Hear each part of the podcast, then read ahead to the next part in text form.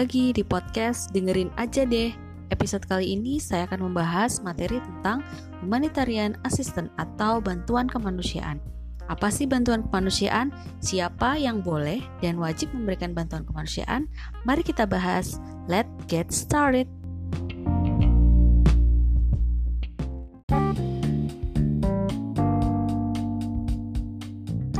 Yang pertama, Bantuan kemanusiaan atau humanitarian assistance adalah konsep yang baru dalam lingkup hukum humaniter internasional.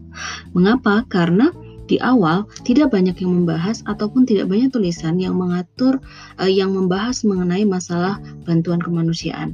Namun akhir-akhir ini konsep tentang bantuan kemanusiaan uh, dirasa sangat penting untuk melakukan perli untuk menjamin tetap terlindunginya para penduduk sipil maupun korban yang terdampak akibat adanya konflik maupun perang di sekitar mereka.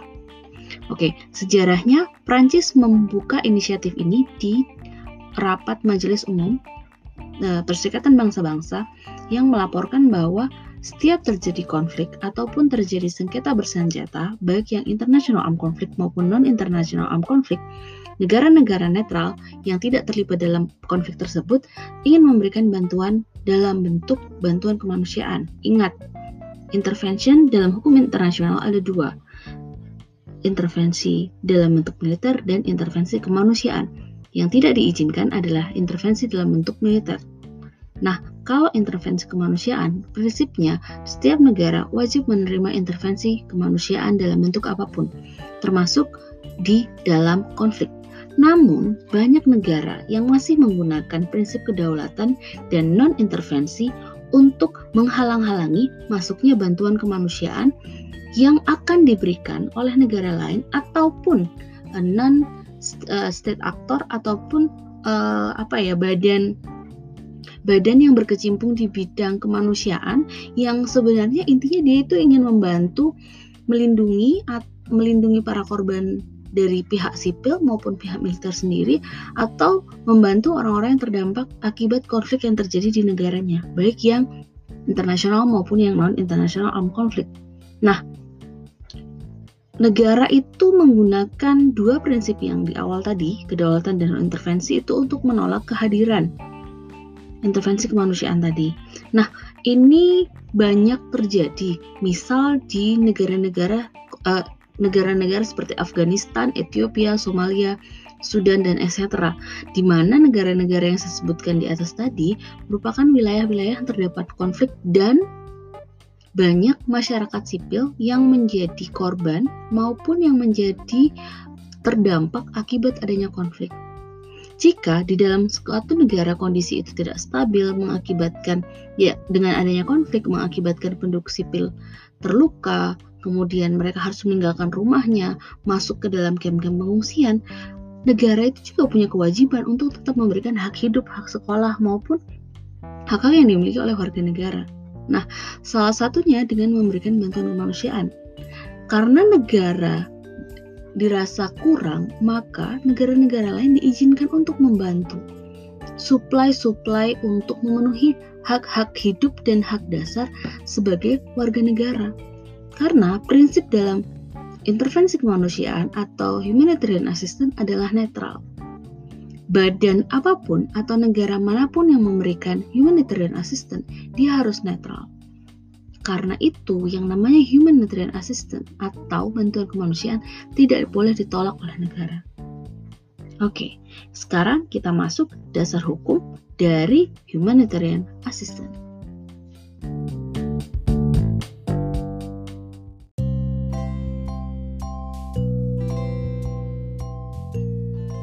Yang kedua, kita masuk ke bagian dasar hukum adanya bantuan kemanusiaan atau humanitarian assistance. Dalam Konvensi Jenewa yang keempat tahun 1949 terdapat di artikel 23, 55, 59, 60, dan artikel 61. Kemudian ada pada Additional Protocol 1977 yang additional protokol yang pertama itu ada di artikel 54, 69, dan 70. Sedangkan untuk additional protokol yang kedua tahun 1977 ada pada artikel 14 dan 18. Dari semua aturan yang terdapat di Konvensi Jenewa 1949 dan Additional Protocol 1 dan 2 1977 dapat disimpulkan bahwa humanitarian assistance diperuntukkan untuk penduduk sipil untuk menjamin hak-hak dasar yang merupakan hak hidup dan harus tetap diberikan oleh negara dalam situasi apa pun. Jadi, maksudnya seperti ini. Dalam situasi konflik, negara boleh boleh melakukan kegiatan peperangan. Ya, entah itu yang sifatnya international armed conflict ataupun non international armed conflict. Dari konflik itu tadi ada pihak-pihak yang terdampak. Salah satunya adalah penduduk sipil. Penduduk sipil yang tadinya merasa aman, nyaman, tentram, damai, dia tinggal di wilayah tersebut karena ada konflik, dia merasa terancam. Ada yang kehilangan pekerjaannya, ada yang kehilangan saudaranya, ada yang tidak lagi dapat hidup, ada yang sekolahnya ditutup akibat konflik, dan lain sebagainya. Nah, meski dalam situasi seperti ini, negara harus tetap menjamin terjaminnya kebutuhan hak-hak dasar dan hak hidup dari setiap masyarakat penduduk sipil. Di Konvensi Jenewa yang keempat, serta additional protokol pertama dan kedua, dalam setiap artikel yang sudah saya sebutkan tadi, silahkan kalian baca masing-masing.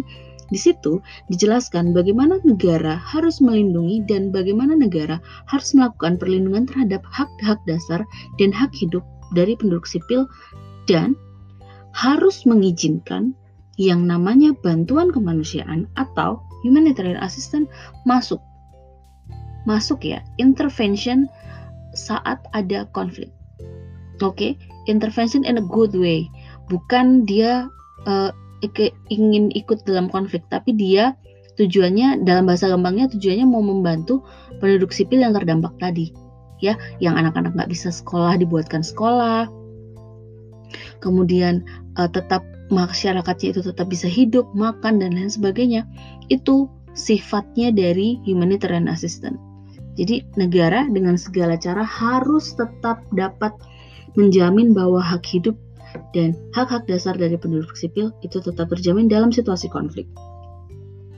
Balik ke sejarahnya sebentar, Prancis eh, di masa itu mendesak General Assembly dari UN untuk mengesahkan resolusi nomor 48 garing 131 dalam kurung 1989 tentang on humanitarian assistance for the victim of natural disaster and similar and similar emergency situation. Salah satu dari beberapa sumber hukum yang dapat digunakan dalam hukum humaniter adalah resolusi Dewan Keamanan.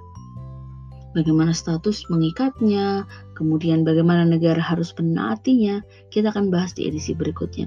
Namun turunan dari Jenewa Convention yang keempat, beserta additional protokol adalah resolusi Dewan Majelis Umum nomor 48 garing 131 tahun 1988 tentang pengesahan pemberian bantuan kemanusiaan dalam situasi konflik atau natural disaster atau bencana alam.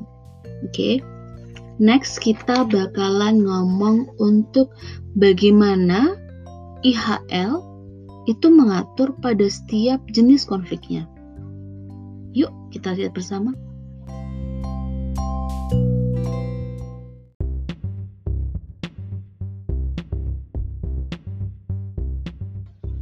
Selain Konvensi Jenewa yang keempat 1949 dan Additional Protokol 1 dan 2 1977, ada satu lagi aturan dalam hukum humaniter internasional yang mengatur mengenai humanitarian assistance, yakni customary dalam international humanitarian law ada di Rules 55 yang menekankan bahwa hak akses dari bantuan kemanusiaan terhadap penduduk sipil harus diberikan oleh negara-negara peserta agung dalam situasi konflik sekalipun.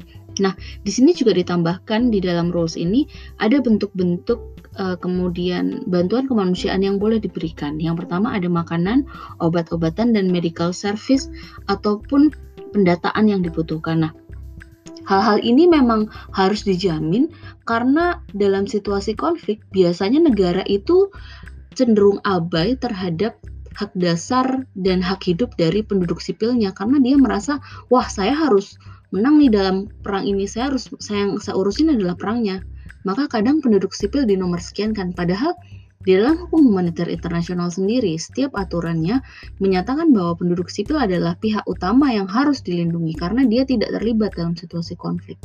Nah, di dalam rules dan di dalam uh, konvensi Jenewa yang keempat, sebeserta kedua additional protokolnya, itu sudah diatur bahwa memang yang namanya penduduk sipil itu harus diberikan hak akses. Akses terhadap penghidupan dan kehidupan, hak dasarnya dan hak hidupnya, Terlebih jika terjadi situasi konflik di dalam suatu negara, maka hak-hak ini harus tetap diberikan oleh negara. Jika negara tidak mampu, maka dia harus membuka pintunya. Untuk apa? Untuk bantuan kemanusiaan masuk dari luar. Negara tidak perlu takut akan melanggar kedaulatannya, akan melanggar prinsip non intervensi karena di sini sifat intervensinya adalah intervensi kemanusiaan yang memang tujuannya tidak ikut serta dalam konflik tetapi membantu mengurangi beban dari penduduk sipil atau pihak-pihak yang terdapat akibat konflik yang terjadi di negaranya.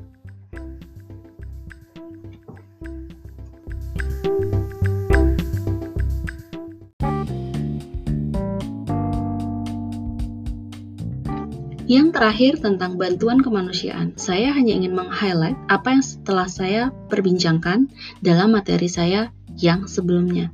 Bantuan kemanusiaan sifatnya wajib diterima oleh negara-negara karena memang itu ditujukan untuk sipil. Bantuan kemanusiaan atau humanitarian assistance tidak akan melanggar yang namanya prinsip kedaulatan suatu negara yang berdaulat ataupun prinsip non-intervensi yang disepakati bersama dalam piagam Perserikatan Bangsa-Bangsa. Oke, gimana materi tentang bantuan kemanusiaan? Kalau mau lebih jelas lagi, materi dari saya ini silahkan ditambah dengan membaca buku atau literatur yang dapat berhubungan dengan materi humanitarian assistant. Oke, selamat belajar teman-teman. See you!